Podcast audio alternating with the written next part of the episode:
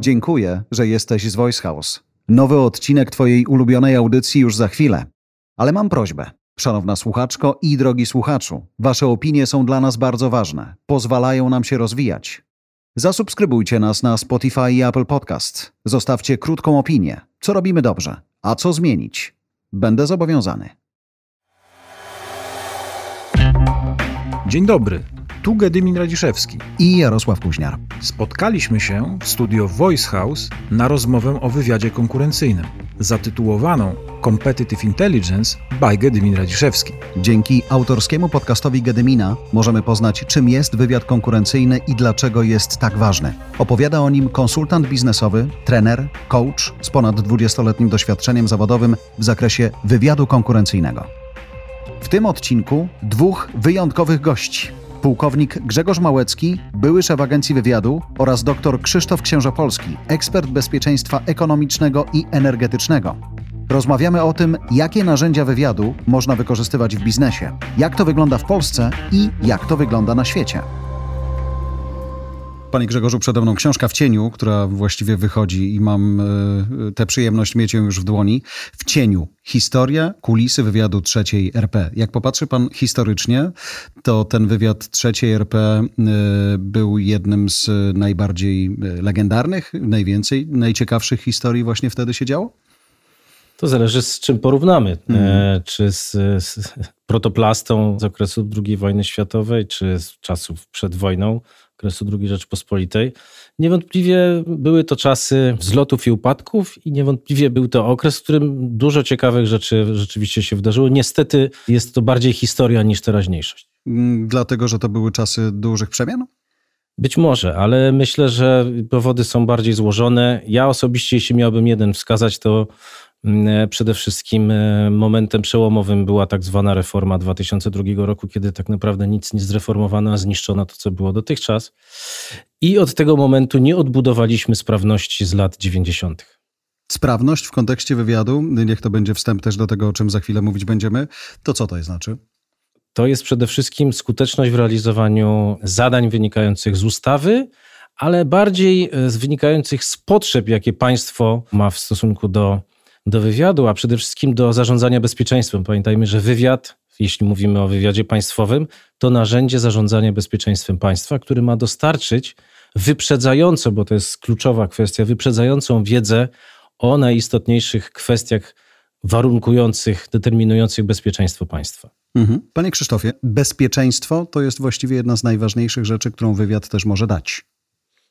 Oczywiście, że tak. E, pamiętajmy, że bezpieczeństwo charakteryzuje się bardzo wysokim poziomem znaczenia z punktu widzenia państwa, bo to oznacza de facto przetrwanie, tak? zachowanie władzy, zachowanie terytorium, e, zachowanie suwerenności, prawda? ale również jakości i poziomu życia obywateli. To jest bardzo istotna kwestia, która w nauce o bezpieczeństwie się pojawiła w latach 70.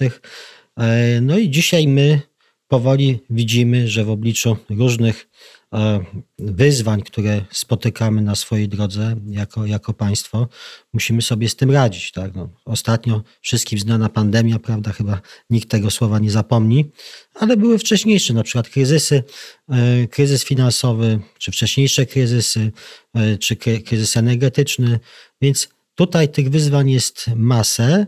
E, I mówię o tylko swoim, że tak powiem, polu zainteresowań, bo oczywiście e, rola i znaczenie wywiadu jest znacznie szersza. Słyszymy o bezpieczeństwie państwa, mamy bezpieczeństwo biznesu. Gedymin, e, cienka linia właściwie między jednym a drugim. No, tak by można było powiedzieć. I tutaj bardzo mi się też podoba to, co powiedział Grzegorz, że to tak proaktywnie, wcześniej chcemy wiedzieć, co nas czeka albo może czekać.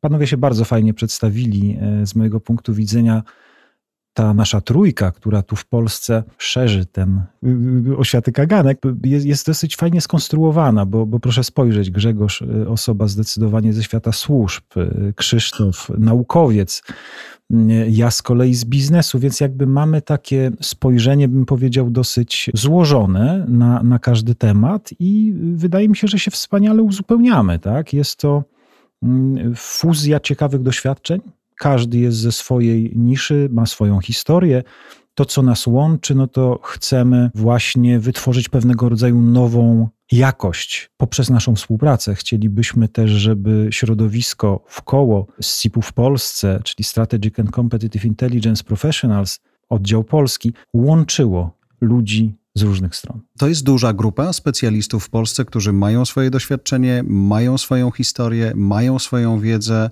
mają profesjonalne przygotowanie, czy mała? Jakby to ocenić? Powiedzmy w ten sposób, że ta grupa jest dosyć ekskluzywna. Mhm. E, gdybyśmy spojrzeli na poziomy, że tak powiem, tradycyjnie przeze mnie przywoływanej strategicznej piramidy zarządzania, no to na poziomie operacyjnym no to powiedzmy mamy tutaj dosyć dużą grupę, nie wiem, może 200 osób. Oni tam się mm, zwykle legitymują y, uprawnieniami detektywa, które pomagają przedsiębiorcom odnaleźć się w takich y, codziennych zajęciach. Weryfikacja kontrahenta, jakieś sprawy związane z mm, przygotowaniem do mm, prostych negocjacji biznesowych i tak dalej, i tak.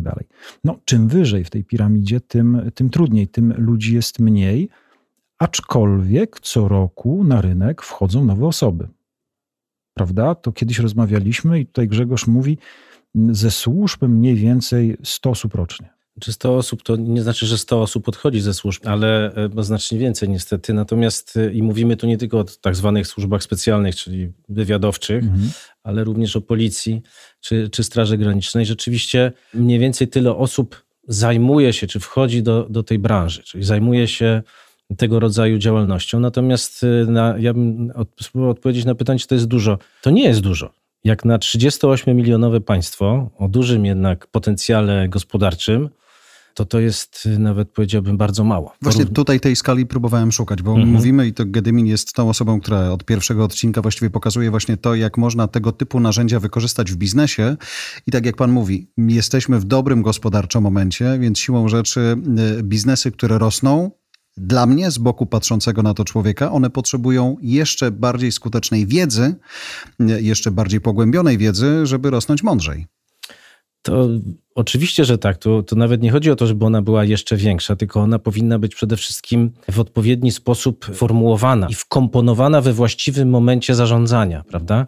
Tu kluczową kwestią jest to, żeby, e, żeby w ogóle ta wrażliwość na tego rodzaju kwestie, które mają wpływ na bezpieczeństwo, była uwzględniona w całym procesie zarządzania przedsiębiorstwem, bo tutaj nie chodzi tylko i wyłącznie o, o wiedzę, kolekcjonowanie jakiejś, jakiejś wiedzy, prawda, na zasadzie książek. Tu chodzi o to, żeby w procesie zarządzania od samego początku uwzględniać narzędzia, nie samą wiedzę, narzędzia, którymi dysponuje właśnie to, co nazywamy e, wywiad konkurencyjny, które uwzględniamy w momencie formułowania celów biznesowych na różnych etapach procesie podejmowania decyzji. Pamiętajmy, że to, co jest kluczowe w ogóle w teorii wywiadu, od, począwszy od wywiadu państwowego, skończywszy na wywiadzie konkurencyjnym, to jest wkomponowanie go wspomaganie procesów decyzyjnych na szczeblu strategicznym poprzez dostarczanie niezbędnych w tym procesie informacji. Czasami jest to, info, to są informacje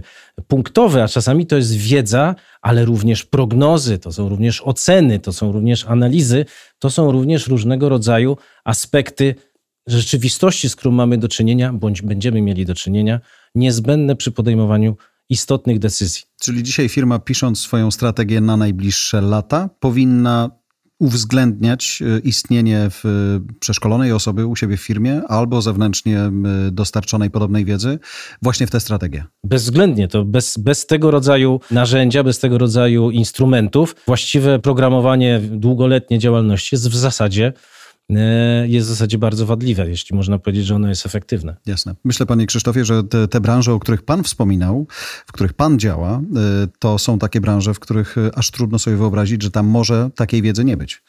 Tak, natomiast też miejmy świadomość, iż chodzi o wkomponowanie w system zarządzania pewnej instytucjonalnej formy współpracy, tak? Bo to proszę zauważyć, mówimy tutaj Pan mnie pyta o, o branże no, strategiczne. Tak? Mhm. To To nie jest jedna osoba. No tak. Musi być świadomość decydentów. Nie jedna osoba i nie tygodniowa misja. I nie tygodniowa misja, tak? To, to, to wymaga y, dużej y, ilości czasu i rzeczywiście w tych y, branżach takich strategicznych, jak na przykład energetyczny, branża energetyczna, to jest po prostu kluczowe. Posiadanie informacji, potem przełożenie na wiedzę, i wkomponowanie właśnie w proces, proces decyzyjny.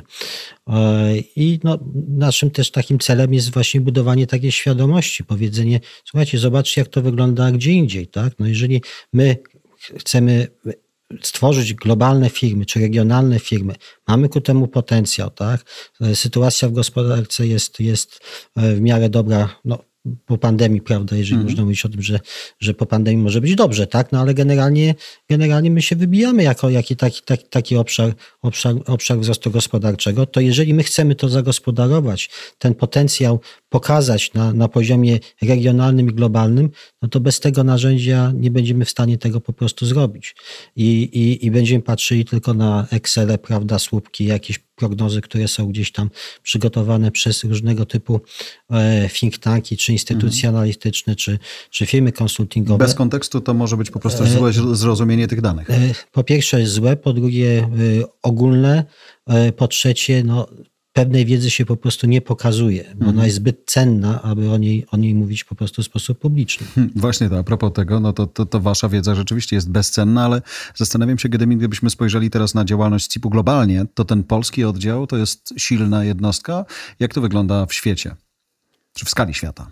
To może najpierw zacznijmy od świata, no bo y, na świecie y, ta inicjatywa odpaliła no już wiele, wiele lat temu. Tak? To nie jest żadne nowum, tam jest to pewien standard. My akurat związaliśmy się z Amerykanami, natomiast takich organizacji pewnie trochę jest, być może o mniejszym zasięgu, bardziej lokalnych.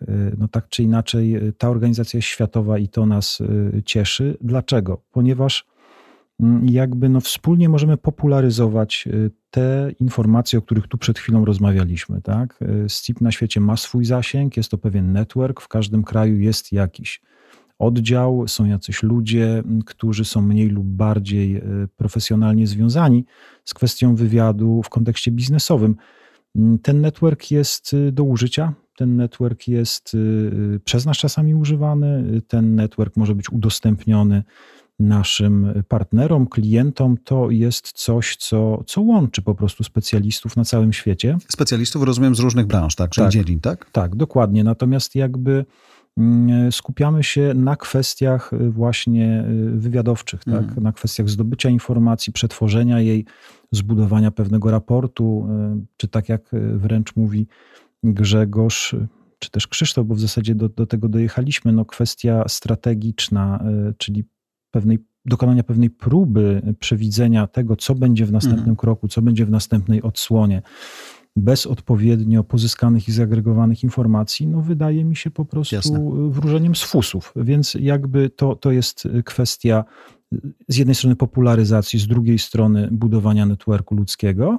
No jest trzecia warstwa, edukacyjna. No bo y, jeżeli ktoś by chciał no, troszkę rozwinąć się w tej, w, tej, w tej dziedzinie, no to również ze SIP-em może. I tak jak w poprzedniej audycji mówiliśmy o tym, że są różne formy kształcenia i edukacji, SIP też taką edukację zapewnia. Być może jest to forma dosyć taka wejściowa, prosta, e, też niedroga dzięki temu. Natomiast no, jest to pewien, pewna baza. Ten wątek edukacyjny, o którym myślę teraz i o który chciałbym Was zapytać, szanowni panowie, a zacznę od pana Grzegorza, to jest moment edukacji biznesu, że wasza wiedza, wasze doświadczenie może być bezcenne. Y, to jest etap początkowy, to jest etap rozwijający się, może rozwinięty. Jak ten biznes reaguje, kiedy wy specjaliści przychodzicie i pokazujecie swoją wiedzę i pokazujecie, że można by ją mądrze wykorzystać? Niestety tutaj nie mam nic pocieszającego do powiedzenia w tej sprawie, ale żeby była sprawa mm, jasna, to dotyczy tak sam, w takim samym stopniu moje, moje mm, obserwacje y, dotyczą biznesu, jak i świata polityki, który zarządza z kolei y, wywiadem państwowym.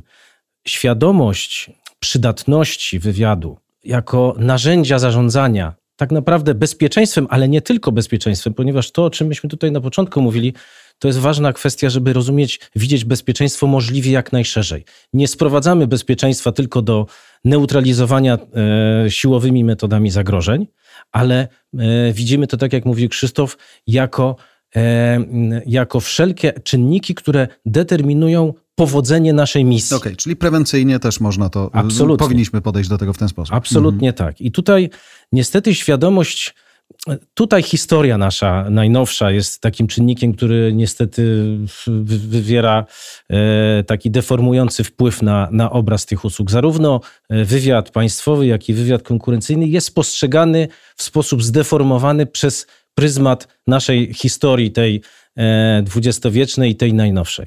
W związku z tym nie do końca jest jakby zrozumienie istnieje dla tego, narzędzia jako narzędzia neutralnego, jako obiektywnego narzędzia niezbędnego do tego, żebyśmy mogli sprawnie wykonywać nasze zadania. Co ten dystans buduje? E, no, tak jak powiedziałem, no, pewien zdeformowany obraz, e, będący pewnym dziedzictwem historii, trudnej historii okresu PRL-u. Po prostu pojęcie wywiadu kojarzy się z, z, z jakimiś represjami, z czymś tajnym, brudnym, e, jakimś takim e, niesympatycznym. E, w związku z tym trzeba w tym momencie, to główne wyzwanie to jest przełamanie tego stereotypu i kojarzenia słowa wywiad z czymś właśnie takim siłowym, państwowym, jakimś podejrzanym. Na świecie termin intelligence jest absolutnie obojętny, jest absolutnie neutralny. Jeśli mówimy tak naprawdę o służbach specjalnych, to raczej się mówi secret services, e, czyli raczej tajne, clandestine służby. Natomiast wywiad jest pojęciem zupełnie neutralnym. On nie, ko nie kojarzy się ze służbami specjalnymi, tak jak dzieje się to w Polsce. I tu jest ten problem. Natomiast to po przełamaniu tego będzie można wtedy wprowadzić, i my, to jest nasze zadanie, żeby wprowadzać w świat, do świadomości biznesu właśnie tą, e, tą myśl, to przekonanie, że wywiad jest takim samym narzędziem zarządzania jak marketing, logistyka, e, księgowość, e, różnego rodzaju kwestie zarządcze, po prostu jest niezbędnym warunkiem efektywnego zarządzania, ponieważ musimy mieć wiedzę nie tylko o firmie, nie tylko o rynku, ale również o otoczeniu biznesowym, o innych partnerach, o wyzwaniach długofalowych, poznać opinie różnego rodzaju osób, które śledzą na bieżąco różnego rodzaju trendy e, determinujące bezpieczeństwo prowadzenia biznesu. Nie koncentrujemy się, my jako osoby zajmujące się wywiadem konkurencyjnym, nie koncentrujemy się wyłącznie na aspektach biznesowych, tylko widzimy całe spektrum, całe środowisko, w którym ten biznes jest prowadzony. I to jest ważne, żeby umiejętnie zestawić te wszystkie informacje,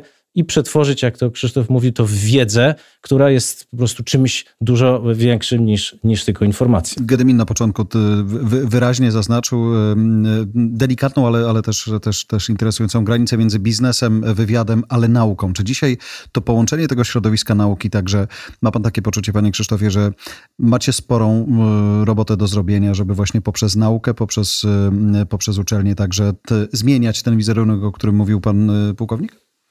No tak, oczywiście. Y, e, SGH jest takim miejscem, gdzie no próbujemy, próbujemy to robić. Zresztą, zresztą y, Grzegorz ma zajęcia tam na studiach podyplomowych, także my o tym mówimy. Tak? Ale no, tam rodzi się biznes, więc rozumiem, że jeśli oni to wyniosą rodzi... z uczelni, łatwiej będzie ich przekonać później. Albo być może nawet nie znaczy, trzeba będzie przekonywać. Y, myślę, że trzeba pokazywać pewne rzeczy, a jak gdyby zostawić, zostawić ludziom y, prawo do takiej analizy krytycznej, zastanawiania się na przykład, dlaczego jedne firmy idą szybciej, drugie wolniej, skoro my robimy właściwie podobne rzeczy, tak? A być może nie wiemy, że tamci mają właśnie tą komórkę, która się tym zajmuje, e, wywiadem e, gospodarczym i, i, i są w stanie bardzo e, dużo informacji i pozyskać, przetworzyć i, i, i doprowadzić do tego, że taka firma no, ominie te wszystkie rafy albo tylko na niektóre, że tak powiem, wpadnie. Także rzeczywiście sfera, sfera edukacji, nauki jest niezwykle, niezwykle istotna, żeby budować, budować świadomość. Także ona powoli jest e, sączona. Natomiast e, ja jestem zdania, nie wiem, czy tutaj koledzy podzielają, że e, no, w pewnym momencie firmy zobaczą, że, że nie są w stanie po prostu pójść dalej bez specjalnych, specjalnych narzędzi. No bo tutaj mówiliśmy o, taki, o takiej ekskluzywnej wiedzy, prawda, którą posiadają osoby zajmujące się tym, y, tym obszarem. To jest zarówno analizy, prawda, zbierania tych danych, prawda, i tak dalej. I proszę tutaj też nie łączyć, pojawiło się tak, że siłowe jakieś rozwiązania. Nie, nie, to nie o to chodzi. Że tak, tak bywa odbierane. Tak? Y, tak, to nie o to chodzi. To chodzi na przykład o to, żeby e, zobaczyć, e, jak, jak na przykład w przypadku energetyki wygląda kwestia EUETS, jak są, jak są dokładnie rozłożone interesy, kto jest tym decydentem głównym, jakie są uwarunkowania formalne, nieformalne, e, co może być na stole e, za chwilę i tak dalej, i tak dalej. To daje nam możliwość właśnie wyprzedzającego działania, albo czyli neutralizacji. Na stole za chwilę albo pod stołem. Albo pod, tak, hmm. oczywiście, tak, no bo to jest to, co my widzimy, Jasne. prawda, w, y, w obszarze publicznym, to jest tylko część, tak, i to jest bardzo niewielka i czasami osoba... Zdeformowana które, też. Y, tak, bardzo często zdeformowana albo poddana na przykład manipulacjom różnego typu, tak? No bo w, ten sposób, w ten sposób się prowadzi mm, też y, działalność i, i, i zarówno gospodarczy, jak i polityczny na tym, na tym naj, najwyższym tak. poziomie, prawda? To albo jest... negocjacje czasami. Albo negocjacje, tak, tylko no, negocjacje to jest dosyć specyficzny obszar tak, działania, który oczywiście wymaga wiedzy na temat partnerów, ale to jest stosunkowo łatwe. My mówimy o, o bardziej głębokim spojrzeniu na to, prawda? Oczywiście interesuje nas to, czy osoba, z którą negocjujemy, prawda, ma niskie ciśnienie, co je, jakie ma sposoby zachowania i tak dalej, i tak dalej. Tutaj taki profil psychologiczny spokojnie, spokojnie można zrobić, ale idziemy, idziemy trochę głębiej, Jasne. tak? Jakie są uwarunkowania na przykład i tak dalej, i tak dalej. No nie będę tutaj za dużo, za dużo mówił, no, żeby zachęcić też... E, no, zachęcić to jedno. Natomiast... Zachęcić osoby do tego, że, które, które chcą się tym zajmować, do tego właśnie, żeby, y, żeby pogłębiały swoją, swoją wiedzę, e, dlatego, że e, mówiliśmy o tej, o tej cienkiej granicy, o tym, że jest zasób osobowy, czyli kapitał taki ludzki, który można wykorzystać, mówiąc tak bardzo kolokwialnie, prawda, ale to też jest istotne przejście do tej sfery biznesu i dla niektórych może to być trudne, może mogą potrzebować pewnych dodatkowych informacji. To, że był dobrym policjantem, strażnikiem y, granicznym na przykład nie znaczy, że od razu będzie dobrym, y, dobrym specem wywiadu konkurencyjnego. Tak? Tak, właśnie tak. Chciałem zapytać Gdymin o narzędzia, bo mówimy o tym, jak to wygląda dzisiaj, jak się zmieniało, jakie y, doświadczenia z wywiadu można przenieść do biznesu. A mm, jakich narzędzi historycznie używaliście? Jak, jak to wygląda dzisiaj? Czy tutaj widać dużo zmian?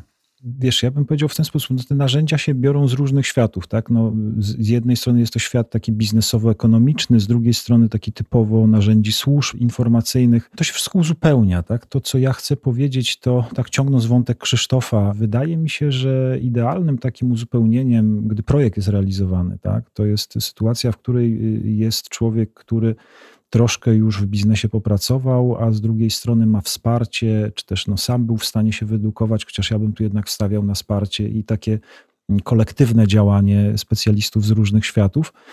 Właśnie ten projekt mógłby być wzbogacony o człowieka, który ma korzenie ze służb, prawda? To on y, rozumie, jak się informacje pozyskuje, jak się ją obrabia, jak się ją prezentuje.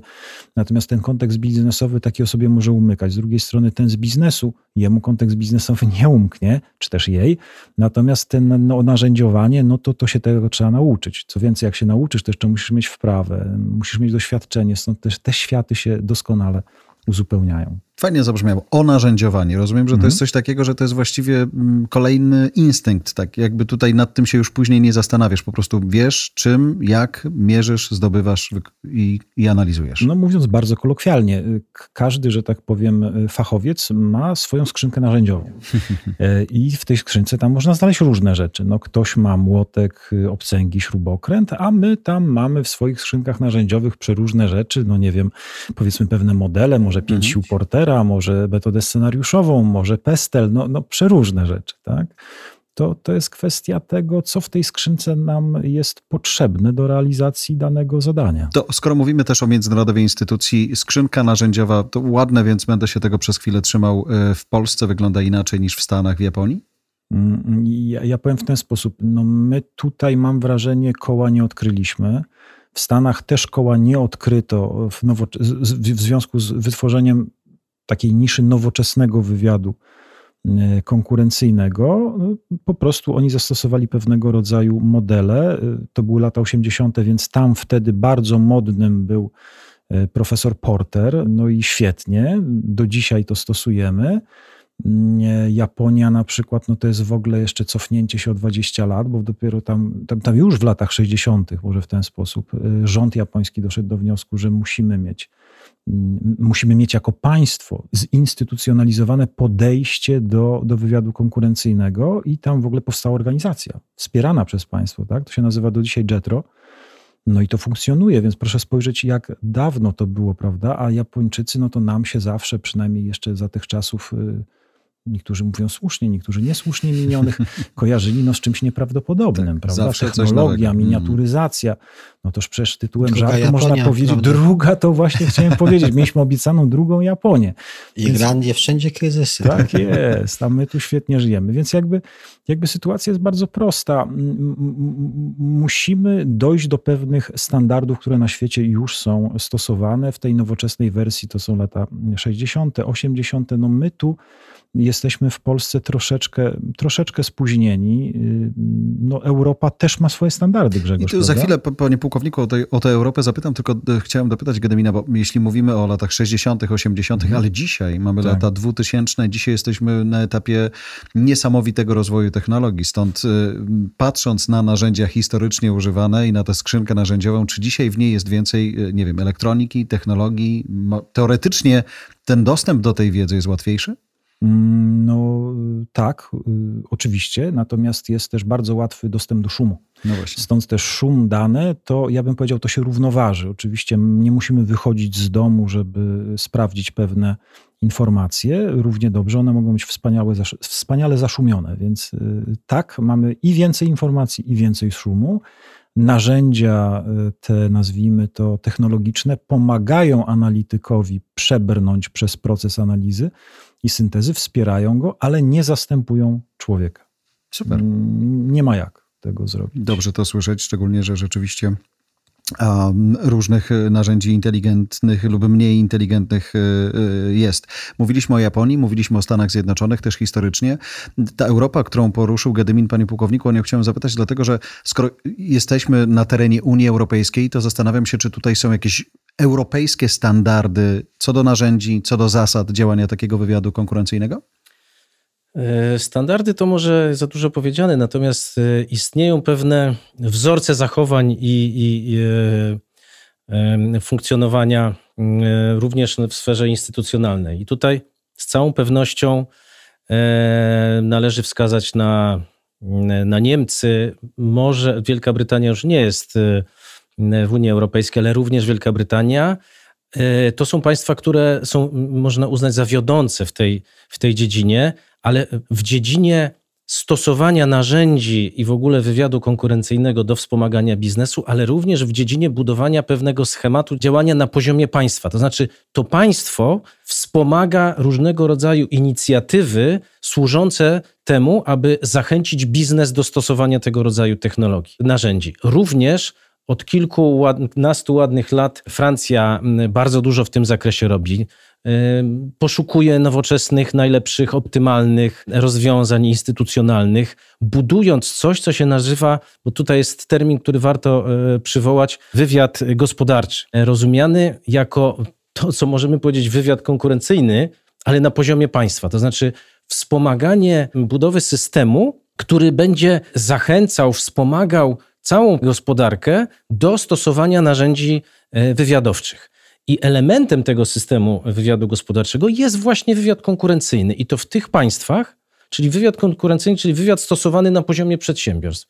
I w tych państwach, które wymieniłem, właśnie władze e, już od dłuższego czasu, od, od wielu lat, e, budują różnego rodzaju mechanizmy, które wspomagają tego rodzaju struktury i wymianę informacji i wiedzy na poziomie strategicznym, na poziomie całej gospodarki, ale również na poziomie przedsiębiorstw. Od kilkunastu lat również bardzo duże starania w tym zakresie podejmuje Hiszpania. I tam to jest bardzo ciekawy przykład. Ja miałem okazję go obserwować na, z bliska, bo pełniąc służbę przez kilka lat w Hiszpanii i, i tak powiem, no, obserwując w bezpośrednim kontakcie te działania, to nie kto inny jak wywiad hiszpański, czy służba wywiadowcza, tam jest jedna służba, tylko wywiad obejmujący zarówno kwestie zagraniczne, jak krajowe, jej szef promował powstanie rynku usług e, wywiadu konkurencyjnego i budowę systemu wywiadu gospodarczego. W 2011 roku została opracowana nawet strategia bezpieczeństwa narodowego, zresztą pierwsza e, w Hiszpanii, i ona przewidywała powołanie systemu wywiadu gospodarczego na poziomie państwa. E, u nas nikt o tego rodzaju rzeczach nie myśli. To wydaje mi się o tyle ważne, że wtedy mamy pewien standard y, i wtedy taki biznes nie musi dyskutować i zastanawiać się, czy dobrze, że to zrobi, bo jeśli jest instytucja państwa, jeśli jeszcze oczywiście jest szanowana, to łatwiej y, i wtedy biznes ma też prostszą drogę do decyzji. Wy macie prostszą drogę do, do, do, do, do zlecenia. Dokładnie tak i jest odpowiedni klimat, odpowiednie środowisko, odpowiednie inicjatywy podejmowane, również legislacyjne, bo tu chodzi o to na przykład, żeby stworzyć warunki do funkcjonowania takiego, nie, nie, niekoniecznie zmuszać e, do stosowania wywiadu konkurencyjnego, zachęcić, ale zachęcić w najprzeróżniejszy sposób, również wspomagając tych e, specjalistów w tej dziedzinie do tego, żeby się w to angażowali. Co ciekawe, właśnie w Hiszpanii tą inicjatywę podjął szef służby, który nie był zazdrosny o to, że że, że to tylko my jesteśmy od tego rodzaju spraw, tylko wręcz przeciwnie. Powiedział tak, my, pamiętajmy, że Hiszpania to przede wszystkim państwo, które bardzo aktywnie e, działa za granicą. To, to też jest istotny czynnik. E, świadomość tego, że potrzebują za granicą wsparcia państwa jest tam e, po prostu utrwalona, ale świadomość tego, że wywiad hiszpański nie jest w stanie wspomagać wszystkich przedsiębiorców, bo jest po prostu za mały. On się koncentruje na tak zwanych okrętach flagowych, ale musi zrobić wszystko, żeby, żeby umożliwić też średnim i drobnym przedsiębiorstwom również skorzystanie z tego. W związku z tym, co robi ta służba? Zachęca rząd do tego, żeby podejmował inicjatywy. Zachęca uczelnie do tego, żeby na przykład szkoliły specjalistów, wysyłając również swoich ekspertów, e, żeby prowadzili zajęcia. E, zachęca e, świat e, mediów. Uczestniczyłem w kilku spotkaniach, gdzie również media i różne środowiska opiniotwórcze były jakby zachęcane do, do, do wspierania, do promowania tego rodzaju zachowań.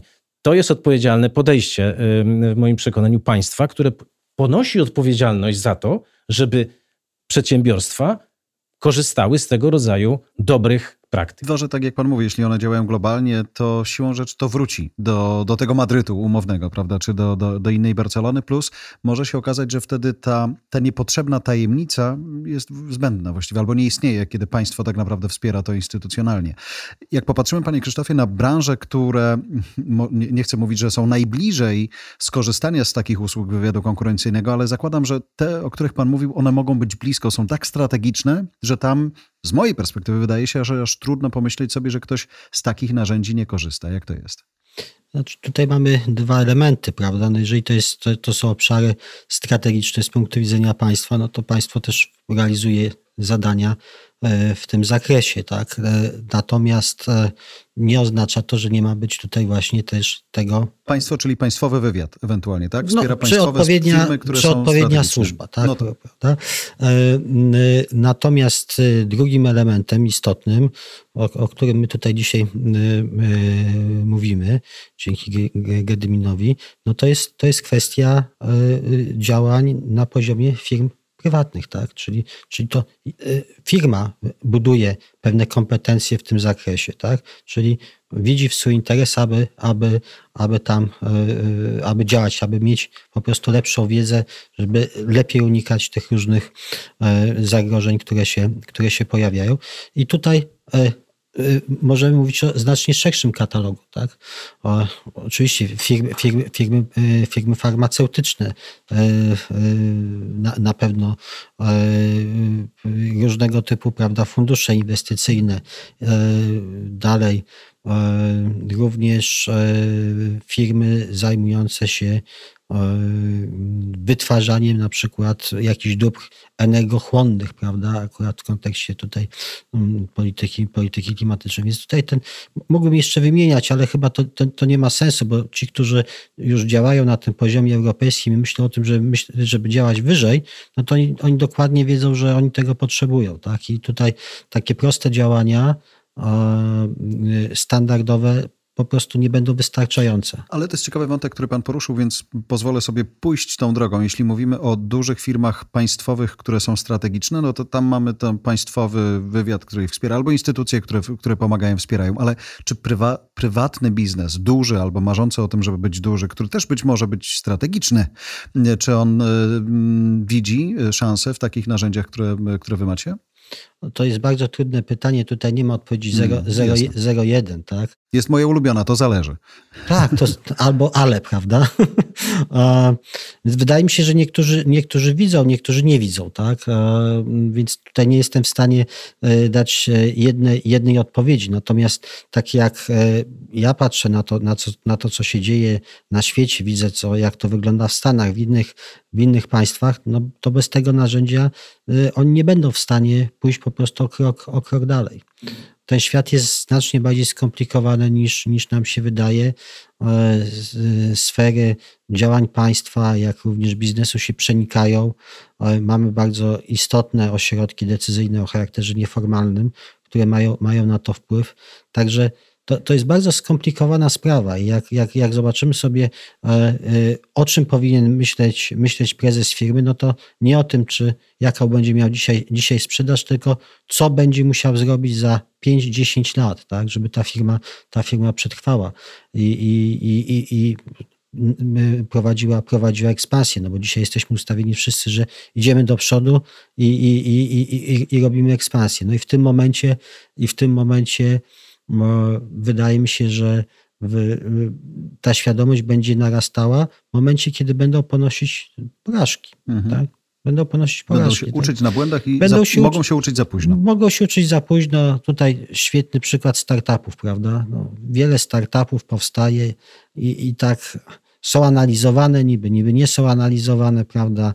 Coś tam robią, ale nie wiadomo, czy dowiozą i, i tak dalej. Tak to jest świetny obszar, cały obszar związany ze, ze startupami, tak? O bardzo wysokim poziomie ryzyka, ale też no, innowacyjnych być może rozwiązaniach. To też jest obszar, który można zagospodarować w ten sposób, tak? Bardzo dokładnie określić, jak to wygląda na świecie, w sensie w tym obszarze, prawda? Czy, czy w tym obszarze to ktoś już działa, na jakim jest etapie. Tego typu informacji nie znajdziemy w źródłach, że sobie klikniemy, prawda, artykuł, że ktoś coś napisał naukowy i przeczytamy, a jeżeli nawet, to tam te, tego, te, tej istoty nie będzie, prawda? A ta istotne jest to, czy jeżeli zakładamy, że dany startup, nie wiem, za 3-5 lat dostarcza jakiś produkt, czy być może już za rok będzie podobny produkt, który będzie spełniał podobne funkcje, w związku z tym inwestowanie w to po prostu nie ma, mhm. nie ma żadnego uzasadnienia. Słuchacze y, audycji Gedemina akurat doskonale wiedzą, że na ten temat odcinek jeden już powstał i tam y, rzeczywiście wykorzystanie tego wywiadu konkurencyjnego w startupowym świecie y, pokazywaliśmy, rozmawiając z przedstawicielami aniołów biznesu. Natomiast czy to wykorzystanie wywiadu konkurencyjnego Gedemin zależy rzeczywiście od branży? Jakie branże są mu najbliższe? Albo on jest najbliższy jakim branżom? Jak, to, jak na to patrzysz? Mm, ja myślę, że branż jest wiele.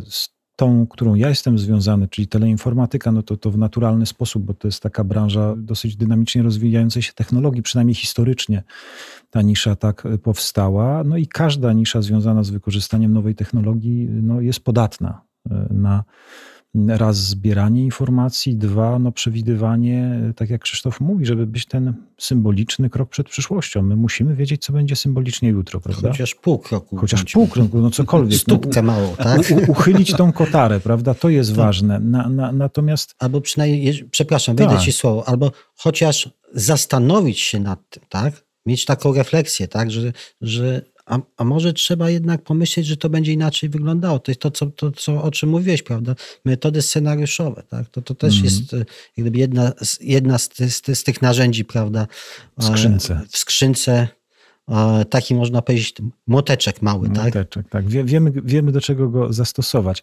Oczywiście, natomiast tutaj Krzysztof też przywołał wspaniały przykład y, tego partnerstwa w pewnym sensie publiczno-prywatnego, bo dzisiaj startupy no, są bardzo y, y, dynamicznie dofinansowywane przez ogólnie rzecz biorąc Skarb Państwa. No i skoro Skarb Państwa daje granty na ekspansję zagraniczną, to czemu z drugiej strony nie wymaga na przykład y, usystematyzowanego podejścia, żeby te pieniążki były wydawane sensownie. To znaczy nie ten tego y, pojedziemy na trzy konferencje, przepalimy kasę, tylko no po prostu musimy mieć jakieś analizy, musimy mieć jakiś plan, musimy mieć jakąś strategię i to myślę, że znakomicie lepiej by się sprawdziło. Może nie oprócz tych wymogów, jakie są e, na takiej zasadzie, że no muszą być pewne sprawy formalne z PFR-em załatwione, oczywiście, to, to, to tego nikt nie kwestionuje, ale tak jakby, jak taka wisienka na torcie, mm, usystematyzowane podejście do zastosowania narzędzi wywiadowczych w takim kontekście wychodzimy z ekspansją zagraniczną, skoro pieniądze są publiczne, no to, to, to ja bym bardzo chciał to zobaczyć. I co więcej, to co też Grzegorz mówił, że na przykład w Hiszpanii to szef wywiadu ma taką inicjatywę, ma takie podejście, chce, żeby y, społeczeństwo było uwrażliwione, uświadomione w tej dziedzinie, to mam wrażenie, że my tu próbujemy takie rzeczy robić, tak? Bo ja chcę przywołać pewną inicjatywę, którą Grzegorz już wykonał y, kilka lat temu, y, gdy był związany z Fundacją Kazimierza Puławskiego no i tam y, zaproponował y, w swoich komentarzach budowę systemu wywiadu gospodarczego, który miałby no, wspomóc budowę mm, planu gospodarczego y, pana premiera Morawieckiego mam wrażenie, że chyba bez oddźwięku, przynajmniej na dzień dzisiejszy. Znaczy, było zainteresowanie, tylko dodam, że z Fundacją Pułaskiego jeszcze jestem jakoś tam e, mniej intensywnie, ale dalej związany. Natomiast faktycznie, jak odbyłem szereg spotkań e, inicjowanych ze strony e, władz wówczas, kiedy ten dokument powstał, widziałem, że był intensywnie czytany, podkreślany z wykrzyknikami i tak dalej. Była propozycja działań, ale niestety wygląda na to, że ten, ten pomysł czy nie spotkał się być może z zainteresowaniem na poziomie politycznym. Trudno powiedzieć, być może nie był wystarczająco e, odpowiadał wrażliwości obecnej władzy, a może celom, trudno powiedzieć. Natomiast niewątpliwie dzisiaj mamy kolejny moment, kiedy można do tego wrócić, to o czym mówił, o czym mówił e, Gedymin. To jest właśnie rola państwa, o jakiej wspominałem wcześniej. Dzisiaj, kiedy rozdawane są pieniądze, na wsparcie ekspansji zagranicznej, to jest najlepszy moment, aby wprowadzić może obowiązek e, uwzględnienia budowy tego rodzaju kompetencji e, w firmach. Natomiast nie wiem z jakiego powodu, ale niestety należy ubolewać, że to się nie dzieje, że są oczywiście, jest obowiązek e, konsultingu, jest obowiązek określonych działań w zakresie marketingu, ale znowu wywiad konkurencyjny umyka. I niedobrze, dlatego że większość naszych państw partnerskich z Unii Europejskiej e, i nie tylko, to, to narzędzie te kompetencje rozbudowuje. I wykorzystując również ten moment, a pamiętajmy, że czas postpandemiczny to jest fantastyczny czas, w zasadzie kiedy stosowanie tych narzędzi jest niezbędne. Dlaczego? Dlatego, że mamy znacznie wz e, znaczny wzrost niepewności. Niepewność to jest to, E, na co nakierowane niepewność biznesową czy strategicznym otoczeniu. To jest to, na co nakierowany jest wywiad, również wywiad konkurencyjny. Poszukiwanie sposobów zneutralizowania tego czynnika ryzyka, jakim jest niepewność, to jest właśnie ten moment, w którym trzeba wejść z wywiadem, a my znowu wygląda na to, że niestety przegapimy ten moment na to, żeby naszych przedsiębiorców prowadzących ekspansję wyposażyć w tego rodzaju narzędzie. Jaki będzie efekt? No będzie taki, że możemy stracić okazję. Stracić na przykład taką okazję, jak, jak straciliśmy w Iraku, mimo że weszliśmy, ale bez odpowiedniego wsparcia państwa, nasza gospodarka tam nie zafunkcjonowała, a były inne państwa, na przykład przywołana Hiszpania, która się wycofała z wielkim hukiem, jak pamiętamy, w 2004 Wojskowo, roku. Ale, Wojsko, ale biznesowo zrobili po prostu tam ogromny sukces. Hmm. Natomiast my dokładnie odwrotnie. A to dlatego, że nie ma właściwego podejścia promującego stosowanie odpowiednich kompetencji. Bez tego umówmy się. Ja wiem, że to dla niektórych jest e, temat śliski, jak to się mówi, ale on jest dzisiaj konieczny w czasie, czasach, kiedy dokonuje się całkowitej przebudowy architektury bezpieczeństwa, ale również układu biznesowych zależności na poziomie globalnym, po prostu wsparcie biznesowe, e, wywiadowcze biznesu jest absolutnie niezbędne. I dlatego działamy w SIP-ie. Próbujemy dopracować się pewnych standardów. Żeby ta kotara się odsłoniła wcześniej. Jeżeli mogę tylko dodać y, y, do wypowiedzi, do wypowiedzi Grzegorza, my to wszyscy odczuwamy, tak? Tą niepewność, to, tą turbulencję, prawda, którą mamy, poprzez te przerwanie łańcuchów, łańcuchów dostaw. dostaw, tak? Mhm. I, to, i, to, I to wszyscy słuchający tego, tego odczują, mniej lub bardziej, ale to odczują, tak?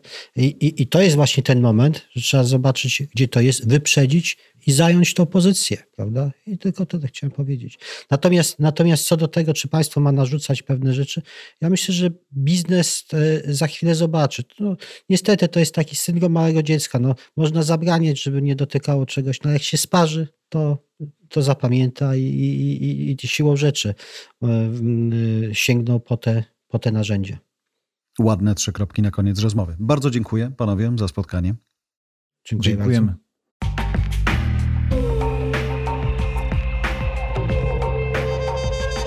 Dziękuję za Twoją uwagę. Oceń tę naszą rozmowę. Co o niej sądzisz?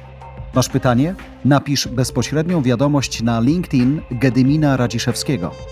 Zasubskrybuj podcasty od Voice House. Znajdziesz je na każdej platformie podcastowej, w każdym kanale social mediowym. Zapraszam też na stronę Voice House po więcej dobrej treści.